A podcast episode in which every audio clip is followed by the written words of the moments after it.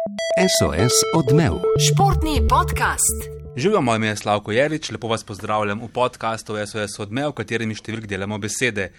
Podobno kot lani v tem delu sezone, seveda govorimo o končnici lige NBA in seveda to ni živo.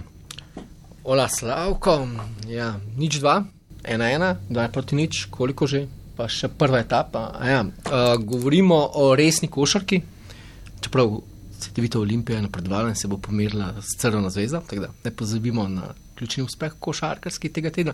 Uh, govorimo seveda o soncih, ki žal vodijo dva nič. Dva proti nič, to je polovica načrtovane poti za Phoenix. Vodi v konferenčnem polfinalu, zdaj proti nič, seveda proti Dallasu in Toni. Zdaj morate malo pošpikati, ne? v prejšnji epizodi se nisi ravno izkazal kot idealen Nostradamus, namreč ne povedal si, da bo Utah dobil serijo 4 proti 2, torej načrtuješ, da bo Phoenix dobil 4 proti 2, da bo malo optimist. Uh, ne, uh, zmaga Phoenixa 4-1. Se pravičujem, igramo vlogo državnega pesimista in ker vlogo pravih Nostradamusov prepuščam bolj spretnim z analizam. Tisti, ki je pa spreten z analizami v tej oddaji, ko govorimo o ligi MB, pa je seveda istok, Franko, že o istok. Uh, Živijo.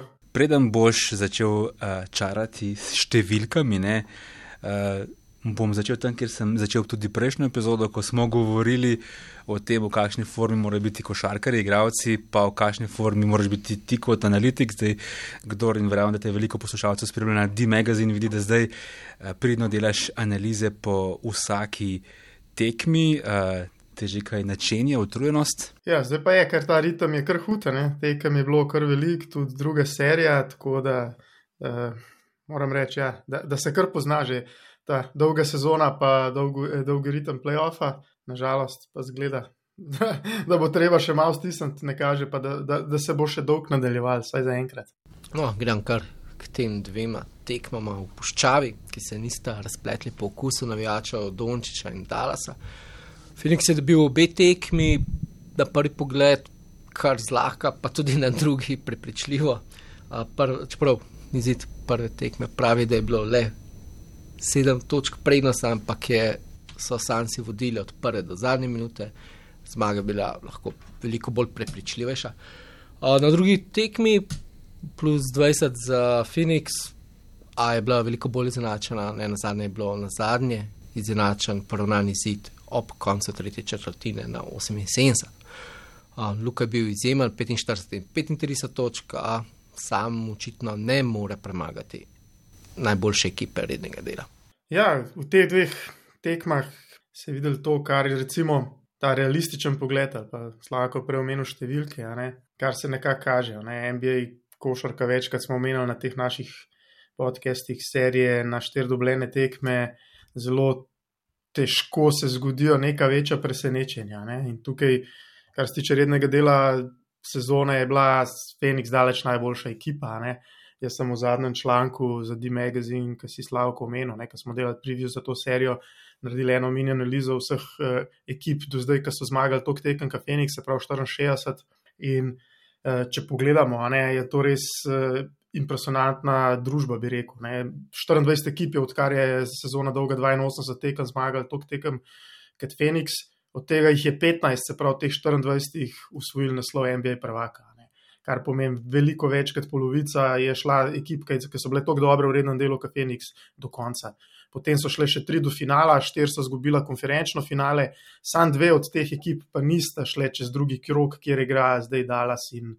Phoenix. To so bili res neverjetna presenečenja, ne tista z leta 2006-2007, se mi zdi, vi bili Warriors pro, proti ravno proti Don Nelsonu, bivšemu trenerju Mavericksov, pa mislim, da San Antonijo eno tekmo prej izgubil. Tako da, kar se tiče realno, ne, je Phoenix letos res najbolj dominantna ekipa, najboljša ekipa rednega dela in se ta razlika v kvaliteti kaže tudi v teh dveh tekmah. Tako da, po eni strani, tako kot si sam rekel, uh, Toni, nažalost, je bila kar velika razlika v obeh, tekmi, v obeh tekmah. So momenti v tekmah, kjer je Dallas konkurenčen, kjer se priključijo, ampak je težko celo tekmo parirati. Sploh glede na to, da je Dallas obe tekme res zelo slabo začel. In recimo to smo tudi v zadnji povzetku enemu za D-Magazine napis, napisali. Ne. Če ti proti ekipi, te, eh, kot je Phoenix, začne z 10-0 v prvi četrtini, 10-0 de, ali pa deset eh, točk nadoknaditi proti taki ekipi je praktično zelo težko, sploh eh, v gosteh, se pravi eh, pred gostujočimi navijači. Vse to, kar si podaril, isto to je pač. Um... Nekako sem tudi jaz malce lažno optimističen po tej seriji, tudi na to je vplival Juta, seveda, sploh zadnje tri predstave, ki so bile kar prepričljive, moramo priznati, da se res dobro igra, ampak če pogledamo in ne samo, da si zdaj povedal, že večkrat v prejšnjih epizodah smo rekli, da je redni del, končni, redni del sezone v NBA-ju predvsej bolj poveden kot je recimo v NHL-u ali pa na FL-ju, kjer so res ta, so zakoreninjenja, ta neka izhodiščna položaj in se res redko, redko predvsej zamenja. Ne? Uh, Feniks je bil nesporno številka ena in če se ne zgodi neka usodna poškodba, kako smo videli, da bi lahko bila recimo z Bukarjem, pa ni bila, ne, ne srečo se, zakaj bi eh, tekmico privoščili eh, slabo, potem je to velika prednost in hkrati ne. Če priznam, pač kot slovenec in kot nekdo, ki tukaj analiziramo igre Luka Dončiča, seveda podzavestno privošiš tej ekipi uspeh, po drugi strani pa priznam, da mi je všeč uh, da zmaguje taka ekipa, kjer vidiš, da ni vse samo odvisno od enega igralca, seveda so vloge porazdeljene, vemo, kaj pomeni kriz pol, ampak ekipa je precej, precej širša kot pa ta, ki jo vidimo na drugi strani, kjer že dolgo časa glavnino breme največje pač eh, nosi igralec številko 77. Ja, eh, definitivno. Jaz mislim, da je trenutno Phoenix najbolj kompletna ekipa v Ligi NBA. Ne. Če pogledamo, imajo Krisa Pola, ki je fenomenalen igralec, kljub 37 letom, ki jih je, mislim, da danes ali dopolnil, če se ne motim, ali pa ta vikend. Tako da je verjetno en top treh playmakerjev vseh časov, še vedno viduje vse vrste obramb, vsako zna zmanipulirati in ko ga obkrožiš, ne, ta zga igralca, ne vem, v eni pike rol igri ali pa v igri, kot igra Phoenix, z, ne vem, elitnim skorarjem, se pravi, igravcem, ki lahko da koš iz vsake pozicije, kot je Booker, z elitnim centrom, plus z obramnimi igravci, kot so eh, Bridges, tudi J. Crowder v končni fazi. Ta ekipa nima praktično luken, tako kot smo rekli, tako v obrambi kot v napadu. Tako da tako ekipo premagati je res zelo težko. Zato je recimo ta uspeh, ki ga je lani Milwaukee v finalu ne, z Janicom, z Jerujom Holidayom, z Middletonom, ki so tudi zelo kompletni igravci, še toliko večji. Tako da Um, tukaj je težko, ne, to, kar si pa rekel, ne, Dalas na drugi strani. Zdaj mislim, da mi vsako serijo ali pa tudi navijači ne zgledajo zelo s tem, kako se v Ameriki reče, recency bias, ne, se pravi z, z podutisom zadnjih tekem. Ja, to je zdaj v bistvu en tak reality check za ekipo Dalasa, kaj manjka. To ne pomeni, da je Dalas slaba ekipa, ne, Dalas je še vedno top 8 ekipa v Ligi NBA, je pa ta stopnička več, ne, do biti v konkurenci res za naslov, za finale, za finale konference pa še manjka. Ne. Tukaj je spomenil se Luka, velike na Luki, ne. Lih danes uh, zopet za naslednjo analizo za The Magazine je ena številka padla ven. Ne. V tej seriji ima Luka en tak eh, številčni 40-40-40 trojček, ne, kar je neverjetno. Poprečje 40 točk v 40 minutah s 40-odstotnim usagem. To je za eno resno ekipo preveč. Se pravi, težko vse na enem igralcu sloni, zopet se dogaja to, kar se je dogajalo lani proti Clippersom, tako da pade v drugem polčasu. V tej tekmi danes eh, po noči so ga tudi eh, izredno napadali, potem v obrambi in je težko ta ritem držati. Ne. Tako da tukaj Dalasu manjka. V obeh tekmah se je pokazalo tudi to, ne, da Dalas praktično rotiral že proti Utahu sedem resnih igralcev, se pravi Bertans, eh, Green sta tako, mogoče za par minut, ko pridete v ekipo. Ne, v tej seriji je pa Dallas konstantno pod pritiskom osebnih napak. V prvi tekmi je imel Branson hitre napake, Bullock, v tej drugi tekmi zopet Branson, Fini Smith je igral do 20 minut. In potem, ko jim vzameš dva ključna igralca z rotacije, predvsem obramba njihova razpade. Ne. Brez Fini Smitha, ki je en, recimo, zelo v redu ali pa zelo dober obrambni igralec, ta ekipa potem uh, zelo težko uh, nadomesti in vidi se, da Dallas praktično obrambe proti Phoenixu uh, ne more igrati. Ne. Tako da dobili so v prvi tekmi 121, v tej tekmi 129 točk in take tekme potem ti ne more zmagati. Ne. Ja, za me je največje razočaranje končnice obeh krogov. Uh, Dinvidi, sam ga nisi niti umenil zdaj. Uh, ker ni tega doprinosa, ki se ga je pričakovalo in se ga ne na zadnje tudi videlo ob koncu rednega dela. Potem pa pač Branson je imel te težave s prekrški, ampak je ob Luki dejansko deluje drugačen, Branson, kot je bil na tistih tek, treh tekmah, kjer Luke ni bilo. Še to bom dodal, ne. prej sem srečal šefa in je rekel, da te moram vprašati, če bo zdaj Branson padel malce bolj na realne tle, morda tudi bolj za management ekipe, ker vemo, eh, kaj se je dogajalo proti Utahu in kam se je domnevno njegova cena že poskočila. Ne. Vemo, bo igralec, ki bo malo podpisal pogodbo. Ne. Ja, jaz sem recimo en, ki sem zelo verjel v Bransona ali pa zelo verjamem v Bransona. Je pa res, ne, da je mogoče ta serija ne, pokazala nekaj, da to, kar se recimo po tem tradu za Dimidija, če odgovorim na tvoje vprašanje, Toni, ne, zelo poudarjali kot prednost ekipe, da imajo zdaj pa tri igralce, ki znajo žogo. Ne, se je mogoče tej, in se je pokazal kot plus v prvi seriji, ki Luke ni bilo, ne, se kaže v tej seriji kot minus. Ne. Dala smo praktično tri igralce, ki so zelo podobni tipi igralca. Ne? In Branson, in Dinvidi, in Luka. Ne? Vsi so igralci, ki rabijo čas, rabijo žogo, rabijo izolacijo, da si pripravijo svoj met in da si skreirajo ta met. Vsi to znajo, ampak igrajo zelo podoben stil igre. Veliko je tudi na Twitterju med slovenskimi, tudi med navijači, vdala so že te debat, a je ta. A Luka preveč dominira na žogi, ne? kakšna je ta igra, kje je plafon te igre. Ne? Ampak vidimo, da tudi, ker Luke ni v igri, da Dallas praktično igra isto. Ne? Se pravi, samo da ga zamenjata ali Branson ali pa Dinvidi. Ne? In jaz mislim, da v tej seriji se je pokazalo to, da bi Dallas kot drugega ali pa tretjega igralca rabo nekoga, ki lahko hiter, nekaj ne rab. Uh, Velik uh, driblat, ki ne rab uh, igrati pick and roll, ampak gre lahko napade te luknje, ki se pojavljajo, ob tem, da je cela obramba praktično podrejena proti temu, da branijo Dončiča, ne, se pravi, da gre hitro do koša, da poentira in da tudi dobro brani. Ne. Tako da tukaj ne, to, kar je šef vprašal, urednik, ne, jaz mislim, da je tukaj pač ta serija en reality check, ne, da manjka, da so en drugi igralec, tretji igralec, ki je. Mogoče nek eh, krilo, krilni igralec ali pa igralec, ki zna dati koš, ampak je tudi dobro v obrambi. Ker tukaj, tukaj se vidi, ne? Recimo en igralec tipa Bridges ali pa igralec tipa Aitona, ki sta oba zelo dobra obrambna igralca, po drugi strani pa tudi zelo kompetentna v napadu. Ne. Tako da zdaj Dimidi, ja, oba sta trenutno z Bransonom, mislim, da Dimidi meče 32 ali 33 odstotkov v tej seriji, Branson 32, tako da um, je težko, ne, zato ker, kot smo rekli, Phoenix praktično nimajo igralca, ki bi ga lahko napadali ne, v tej seriji, tako kot so v prejšnji seriji Mičla, Conleya, tudi Clarksona. Ne. Veliko je bilo špekulacij, pred serijo, koga bo branil Bridges, ne, ga bo mogoče dal na Bransona, da ga čisto stavijo. Vidimo, so, da, ga, da ga drži Booker in je Booker zelo kompetenten igralec in uh, ni praktično ni neki lukne, da bi ga res lahko napadal. Prej si omenjal uh, svojo napoved za D-Magazine pred začetkom serije. Ne. Tam si napisal, da če se zdala želi ukrasa eno zmago na uvodnih dveh tekmah, bi moral igrati precej bolje od pričakovanj, Phoenix pa na drugi strani slabše. Ne. Zgodilo se ni ravno tako, zdaj številke so kar neizprostne. Zdaj, če začnemo optimistično, nekatera številka je zadala zelo dobro, ne. to je brez dvoma odstotek meta za tri točke, ker je.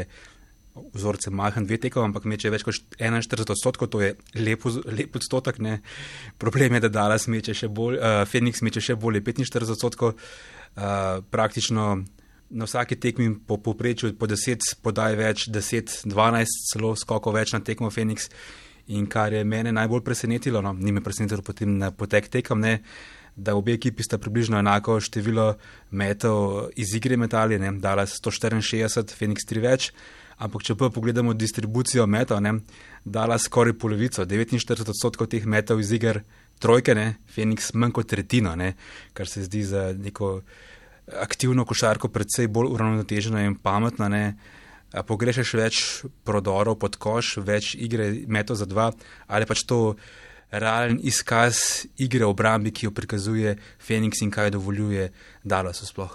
Ja, mene v bistvu, če grem nazaj na to napoved pred serijo, v bistvu, recimo, da me je presenetilo to, ne, jaz, mogoče to sem tudi v tisti napovedi napisal, sem mislil, da bo imel Dallas še večje probleme v napadu, pa da bo bolj kompetenten v obrambi. Saj tako so kazale, recimo zadnjih šest tekem, ki sta jih te dve ekipe igrale, se pravi, odkar je Kris Paul prišel v Phoenix, to zadnje dve sezone. Ne? Vedno so bile to tekme, ki so se nekako eh, prelomile, kjer je dala zelo težko dosego koše. Ne?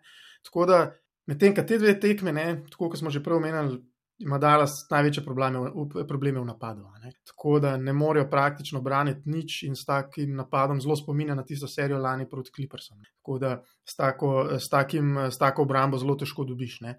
Kar se tiče zdaj meta za tri in podobno, ne, tukaj. Ne, recimo, Luka ima napadalno zopet še eno fenomenalno serijo. Ne, on meče, mislim, da to serijo, če se ne motim, okoli 42 ali 43 odstotkov, za 3 per 10 pa pol poskusov na tekmo, kar je noro, tako da 40 točk na tekmo v teh dveh serijah. Tako da tukaj jaz mislim, da večji je problem to, ne, da ima Phoenix eno zelo posebno obrambo, kjer ni, da bi takoj luko neki podvajal na žogi, ne, to so poskusili mogoče sam danes, v, don, v današnji tekmi ne dvakrat, trikrat, ampak je bolj taka, da zelo blizu vsi, spus- eh, pustijo, pustijo ga tudi eh, mu malo več, eh, recimo Sanga in tu prodore, a ne, ampak zelo hitro rotirajo. Ne, in tukaj je ta največji šok za Dallas. Te rotacije, ki so v rednem delu sezone, ki so bile proti Utahu, se pravi, ko, ko Luka gre v prodor ali pa kaj se pojavi neko podvajanje, ki on spusti žogo do nekoga drugega, v rednem delu ali pa proti Utahu je imel tisti igralec 2-3 sekunde, da je vrgel trojko, zdaj vidimo, da je Bridges, ne, k hobotnice, ne, ali pa ne vem, mlajši gledalci, ne vem, če se spomnijo risanke Mr. Gadget, ki je imel tako zelo dolgo roko, ko je podaljšal, ne take. In on, neverjetno, on uspe, ne vem, pol igrišča pokrit uh, v praktično dveh, tre- treh sekundah. In tukaj ima Dallas igralce, ker so te njihovi probleme, ker so te njihovi igralci, tipa Finney Smith, Reggie Bullock, Maxi Kleber, oni so navajeni šutirati, ne? niso navajeni, ko ga igralec, eh, ki pride ta hitri close-out, hitro zapiranje, ne gre v dribbling, ne? se pravi, da bi to prebil in potem naprej rotiral, ampak se potem hiter uh, prednost zgubi. In potem se vrne eh, žoga spet Lukatu, in v playoffu je to zelo težko, pol še enkrat delati razliko. In jaz mislim, da tukaj on tega ritma zelo težko drži, ne celo tekmo, ker je res eh, breme pretežko. Ravno to, o, bremen, o bremenu, pa če prej si dal to primerjavo z lansko serijo s Clippersi in padanje njegove učinkovitosti kot uh, ustvarjene igre in uh, bližanje izidov, zaost- zmanjševanje zaostanka. Kaj, kaj lahko še naredi, kaj ima rezervo, ali je pač preprosto Luka trenutno pridal sedini za dosti dober, da se lahko kosa s Phoenixom, ki smo rekli, da je pač številka ena v tej končnici. Jaz mislim, da dobro, da zdaj bo igral dve tekme v Dallasu, ker je vse malo drugačno. Ne. Smisel prvo je, da boljš odprejo tekmo. Ne. Se pravi, sprej tekmo, kot smo prej omenili, za, des, za deset točk minusa je v bistvu si zmanjšaš eh, možnosti za zma, zmago drastično. Ne. To je prva stvar. Druga stvar je, kot smo rekli, prej v obrambi, ne. sicer je res težko, ne, pravim, ker Phoenix jih rotira in Dallas eh, neke pametne odgovore na te njihove ključne akcije še ni našel. Ne. Tako da to je ena zadeva. Uh, v napadu, ja, mogoče hitreje probati igrati, probati uh, še več akcij, da se Bransona nekako vključ, da dobi žogo, uh, da dobi žogo ne statično, ampak skozi nek handoff, se pravi v, v, v teku, v tekanju in tako naprej.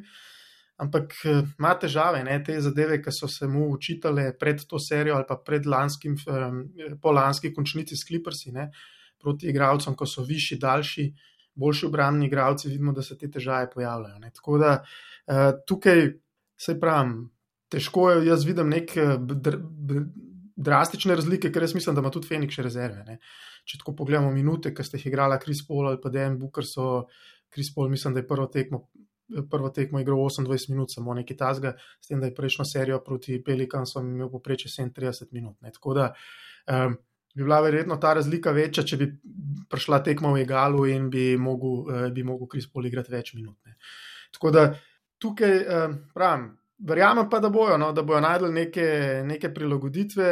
Uh, vsaj v Dallasu in da so sposobni tam, jaz uh, verjamem, vsaj kakšno tekmo dobiti. Ne. Ja, Američani rečejo temu adjustment, ne, prilagoditve, vedno treba narediti, včasih se pričakuje, da se to naredi že po polčasu, ne, včasih to deluje, včasih ne, zdaj, ko smo prluki, ne, vem, bo za to čisto banalna statistika, ampak za tiste, ki imajo radi številke, ne, po tej seriji zdaj začasno, Luka skočil na vrh lestvice, uh, streljcev končnice, ne, za desetinko, zdaj celo pred Jordanom, vedete, to slava to lažbo za njega, ker vem, da, verjamem, da mu največ pomenijo zmage.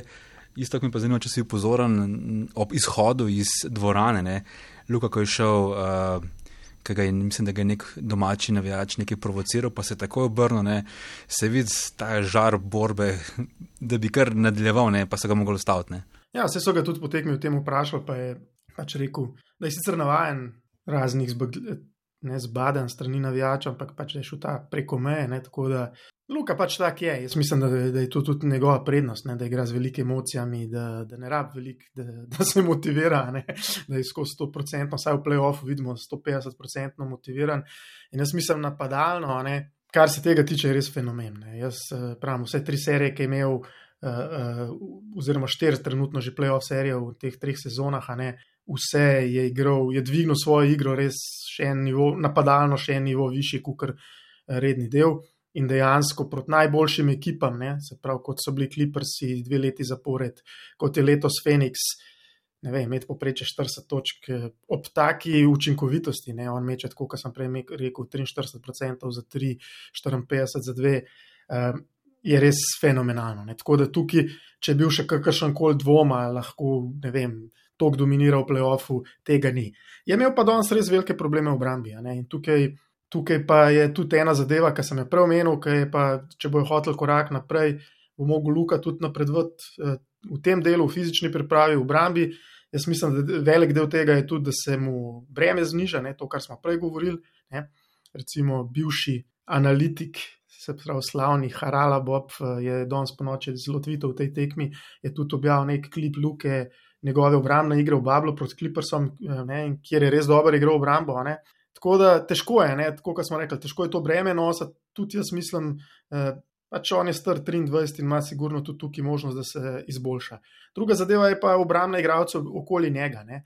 Eh, prej smo omenili Bransona, Dimwidija, ki so mogli danes več igrati, Bertans, ko pridejo taki igralci v ekipo, ki so tudi, jaz temu rečem, prej del problema kot del rešitve ne, v, v obrambi, se te, začne, se te zadeve pri tako dobrej ekipi, kot je Phoenix, eh, samo multiplicirajo. Ne. Se pravi, ko podvajajo na enem igralcu, ne vem, kaj pomagajo Luki, da podvajajo in potem te rotacije, ki jih na drugi strani. Bridges rešuje, tako kot smo prej rekli, fenomenalno, ne? potem se tukaj ponovadi uh, dala, so njihova obramba pade. Zdaj, jaz ne poznam kakšne zelo eksaktne metrike, ki bi uh, merila uspešnost igralca obrambe. Ampak jaz mislim vseeno, da če pogledamo nekaj poprečje njegove igre v obrambi v sezoni 1, 2, 3, 4, da napredek je. Ne? Vsekakor se pozna, da na tistih tekmah, kjer pa uh, veliko bolj jasno zavisi njegova igra v napadu, da pa potem je ta razlika v obrambi. Uh, je pa malce bolj opazna tudi v negativno smer. Isto bi še karkoli drugega iz te serije lahko izpostavil, karkoli ti je še padlo v oko. Dobar, to, kar sem omenil prej, tudi obrambe, ne, je to, kar smo prej rekli. Playoff je res ključne.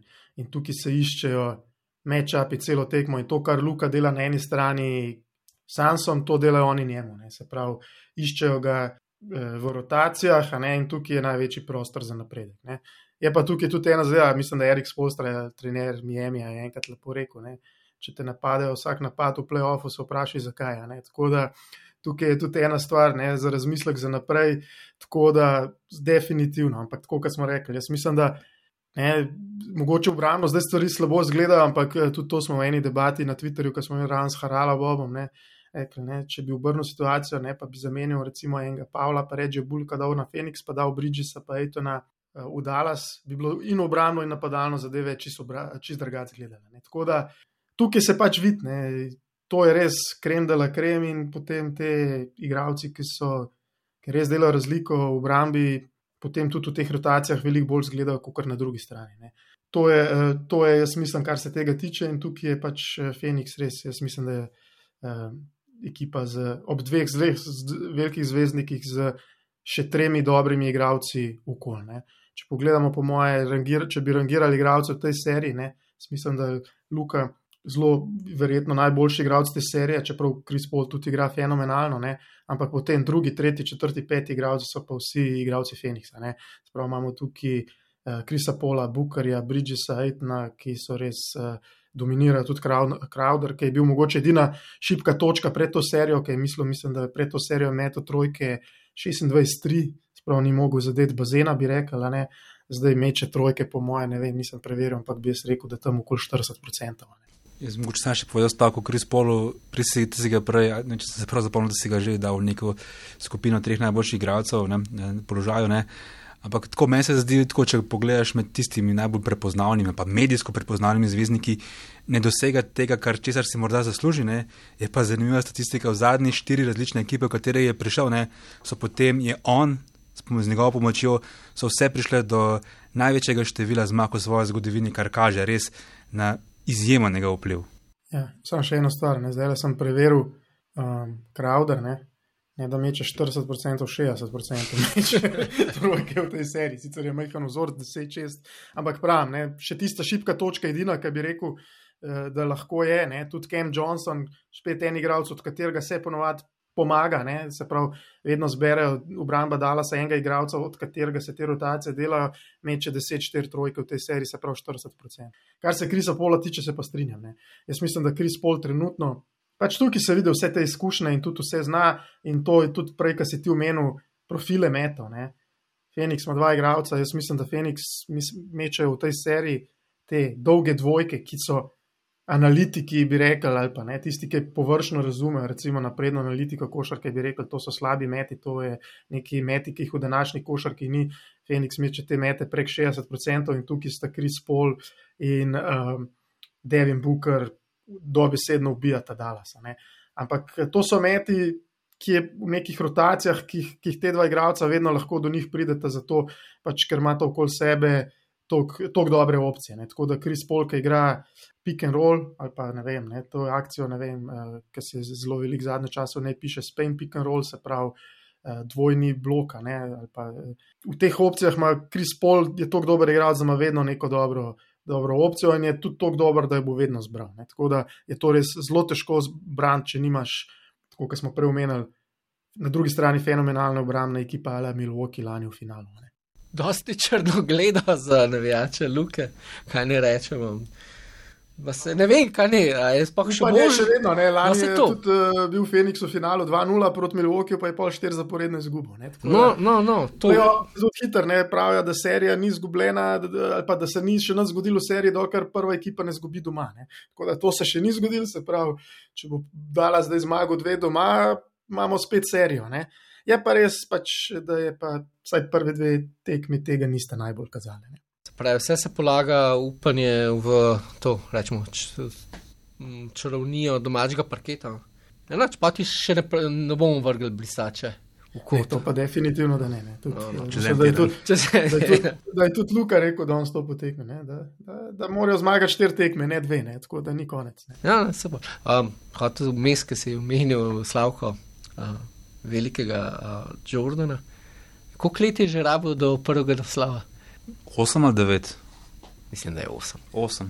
No, tako da. Se to je, ne, tudi ko smo govorili o teh izkušnjah Krisa Pola, ne, dejstvo je, ne, da je NBA liga tako težka in igravci rabijo, redko kjer igravci ja, pride pri teh letih, ki je luka do naslova. Ne, tako da je tukaj nek trnova pot ne, in učenje, prilagajanje tudi uh, od treninga navad, uh, obrambe, fizične priprave, do same igre. Ne. Pa tudi eh, neke, se pravi, ekipe resne se potem postopoma gradijo, ko se vidi, eh, kaj manjka.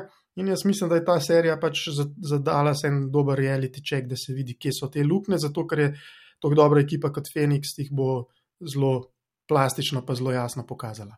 Ja, reality check, po drugi strani pa tudi tisto, kar smo podarili v prejšnji epizodi, da pa vendarle potreben korak naprej in korak naprej zmagal v eni seriji, prvi po najsih letih je tudi ne so zadnji ta klub dosegel. Uh, isto, kako blizu ti je pa hokej? Hokej, um, bom rekel, površno spremljam. Zdaj, več zdaj, odkar, odkar se pogovarjam z vama, predvsem s Tonijo, tako da spremljam Tonijeve analize, malo na Twitterju, uh, ne, ne gledam pa tekem, ker uh, ni časa. E, samo nekaj besed, prej pa še jaz bom že kar zdaj podelil svojo številsko zanimivost o 78. Namreč v uvodnem krogu končnice lige NBA nosilec napreduje na 78 odstotkih tekem. Zakaj to menim, ker to ni večkrat upozarja, da je v NHL to predvsem manj. Ravno danes sem naredil analizo za NHL in v zadnjih osmih letih, odkar je trenutni sistem v NHL, je ta odstotek le 57 ton in to je pa kar optimistično, če si navijač L.A. Kingsov, ki so underdogi v prvi seriji letos. Ja, da so še tam. Pač to je meni največja dražba, hokej pa prej Helo v primerjavi z MB, ker redni del, del pač malo po, mal pove. a. Um, ja, in uh, LA, nekoč šampionsko moštvo, uh, na hitro, mislim, na, niti ne na hitro zgrajeno, ampak je bilo zgrajeno uspešno z nižjih položajev, iz šestega pa iz osmega izhodišča uh, so prišli do konca, ampak so bili vele sila pač zaradi spomladanskih iger. Uh, zdaj pa drugače, v bistvu so se izrinili ob veliki količini poškodb, sploh do končnice, tako da to je uspeh. Ampak po drugi strani proti Edmontonu in v bistvu jih razmerje v napovedih pri novinarjih je ne vem, 9 proti 1, no. brez heca. Uh, se pravi, je bil velik uspeh, da so prvo tekmo dubali, zdaj so grdo zgubili drugo. Ampak le se pa vidi spet um, drugi aspekt uh, hokeja, da kako pomemben je en pol, igralni položaj in to je vratar. Vratar v hokeju zmeraj pretehta tekmo, se pravi, v katero smer bo šla, kako se bo odigrala, uh, nikoli pa ne more seveda odločiti. No. Mislim, so redki primeri, ko daje gol, sem to je takrat je tekma že zdavnaj odločena, načeloma. In glede se je videl, uh, 40-letni, pa če je hokej tudi za starce, 40-letni Mike Smith v vratih je na prvi tekmi podaril usodni gol Kingsom, zdaj pa zaklenil vrata in v bistvu uh, prekinil uh, osebni črni niz, ker je doživel deset zaporednih porazov na tekmah v končnici in to je bil kar tak, uh, kako bi rekel, tiha grožnja, ki je ogrožala ta Edmontonov položaj nespornega favorita. Zdaj, če se malo pohecamo, Toni bi mogoče Dallas, kakšnega golmana rabo mogoče za svojo obrambo, da, da zaklene koš. tem Ja, se je danes, ko je bil prvak, je imel fenomenalnega golmana, no, leta 99. če- Ko prvršno spremljam hokej, imam kolege pri D-magazinu, ki spremljajo njihove starse, ne, oni so v playoffu in niso, ali so, niso, ne. Tako da mogoče golmana lahko posodijo, ne. No, ampak isto, ne, zdaj to ni rekel razmerje 9-1 za zmago Edmontona. Se vi pozoren, kakšno je razmerje v E- ISP-novih strokovnjakov v seriji. Ja. 20-0, ne. Točno tako je. Ja, no. To pač še enkrat pove, ne, eh, kakšno je bilo izhodišče pred to serijo. Ne. Se pravi, 20 strokovnjakov iz PN, noben izbral Dalasa, da bo dobil to serijo. Ne. Vidi se pa tudi, ne, da je tako, kot si prej omenil, da je bil pa vseeno uspeh v prejšnji seriji, ker so bile napovedi pred serijo Dallas Jutah pa veliko bolj črnoglede ali pa izenačene, ne. sploh ker so šli v serijo s poškodbo Luke. In to je definitivno za Dallas bil uspeh, ne, da so, da so dobili uh, da so dobili to serijo, ker je bila tudi veliko bolj izenačena, se pravi četrti, peti nosilc, uh, kot je zdaj serija prvega in četrtega nosilca. ne. Ja, lepo je pa videti, da v takih elitnih ligah, da glavno vlogo igra slovenec. Za sekundo skok nazaj na hokejske ploskve, to ni kako pa že Kopitar se je na teh prvih dveh tekmah izkazal. Ko sem priletel na hitro tekmo, mislim, da nisem gledal, uh, samo box score ga ni bilo tam zraven. Kako ni izgledal? Mislim, idealno. Gledaš nerni na levem ekranu basket, na drugem hokej, čist preprosto. Mislim, idealno. Še tretja tekma, potem se pa loča, to mi ni všeč. No? Priznam, ampak ne gledam od začetka, gledam uh, druge tretjine dalje in isto, pač v bistvu lovim obe dve tekmi, levi delež. No? Um, Kop je, ja. ja, na statistiki je nula, kar je za njega presenetljivo, ker pač je skoraj v tempu točke na tekmo v končnici. Aha, igra pa pač ne navadno, ker si rekel, da če bi Dallas posodil kakšnega svojega golmana, starsi. On pa je v bistvu je mogel posoditi kot prvi center, je posoditi mogel svoje napadalno znanje za branilsko znanje. Pač nikoli ni bilo skrivnost, da je pač on eden najboljših napadalcev v obrambnih nalogah, ne na zadnje prejel dve priznani, dve lovoriki selke za to. In na prvi tekmi je igral noro dobro. no. O, Ko je, so imeli, ko je bil izenačen izid ali pa ko so imeli ta gol, srečni gol prednosti, sta on pa tudi njegov soigralec Adrian Kempe igra noro dobro obrambo in sta bila za nagrado, pač se je videlo tudi v statistiki, v boxscoru, da sta preigrala daleč največ od vseh, ker pa v hokeju, zlasti po NHL, pač izredno nenavadno, da napadalci igrajo več kot vsaj prvi branilski par. No. On je odigral 32 izmen za skoraj 26 minut.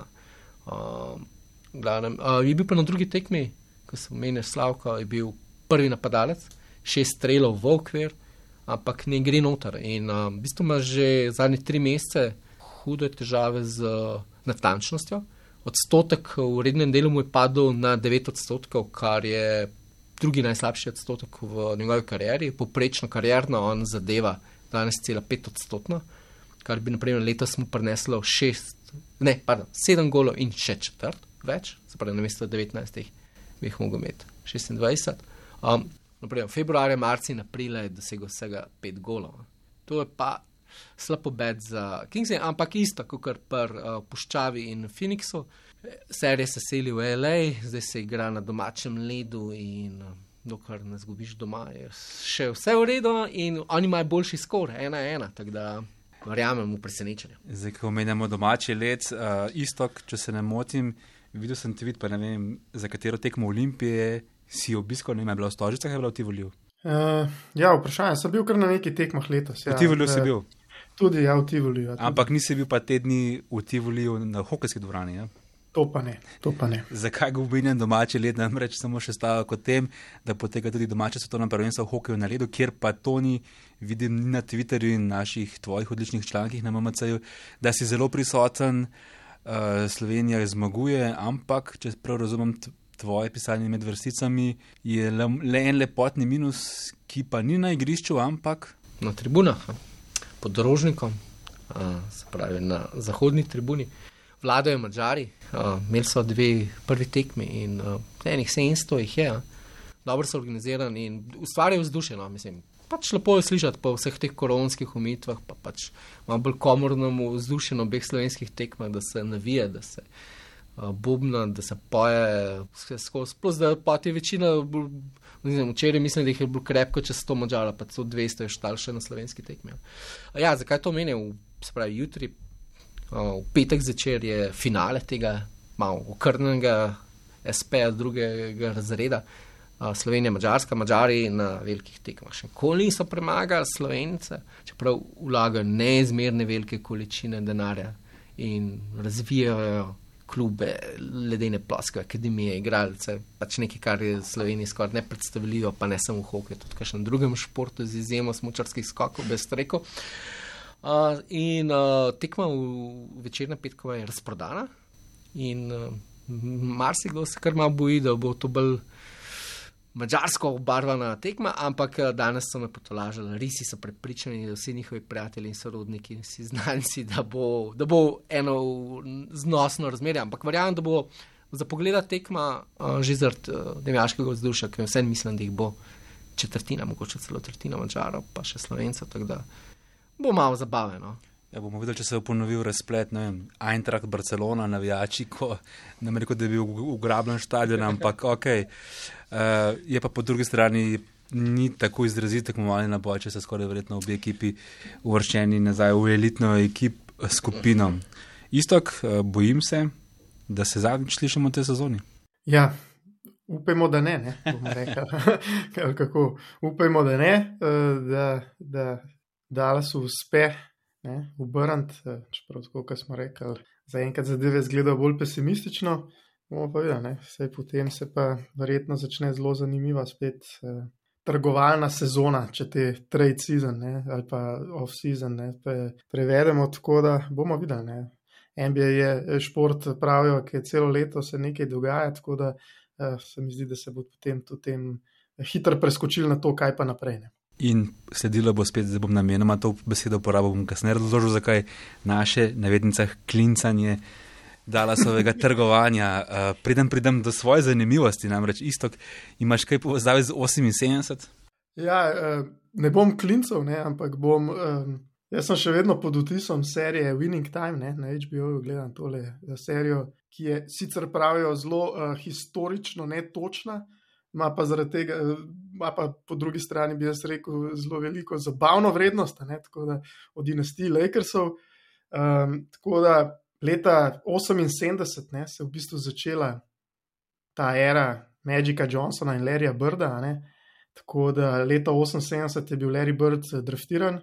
Potem sicer ni šel v NBA, ne, je še počakal in v tej sezoni leta 78-79 sta potem z Magicom Johnsonom uh, Sicer leta 79 se je pa ta sezona začela, 78 igrala v finalu lige NBA, eh, NCAA, se pravi študentske košarke, kjer je Magic s svojim Michiganom premagal Indijano, ki je bila do takrat ne premagana v celi sezoni, 33-0 so imeli skor. Se je pa začela potem ta era, ki je tudi v tej seriji zelo prikazana, ne, se pravi, ki je mnogi pravijo temu, ne, rešila ligo NBA. Ne. Predtem je bila liga NBA finale, ki smo, hmalo bomo pri NBA finalu. Ne. Takrat so američani predvajali, če lahko verjamete, niso živo prenašali, ampak na tape delay, ne. se pravi, so imeli posnetke.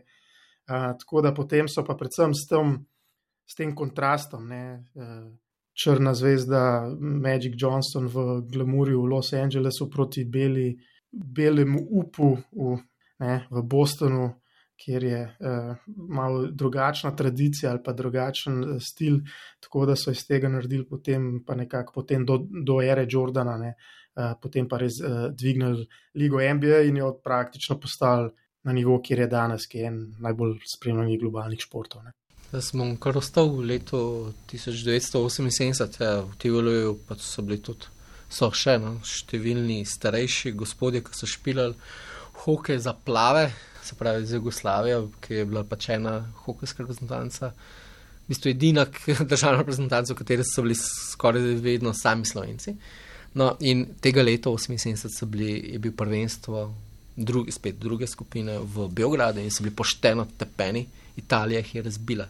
12-3, še zdaj so se kregali, kdo je bil kriv za vse, za pol golov, kar je bilo zelo zabavno včeraj. Uh, Romunija, 11-nič, jih je stavkla. Da, ja, so izpadli, spravi, v domačem prvenstvu so izpadli v skupino C in to za razliko 14-48.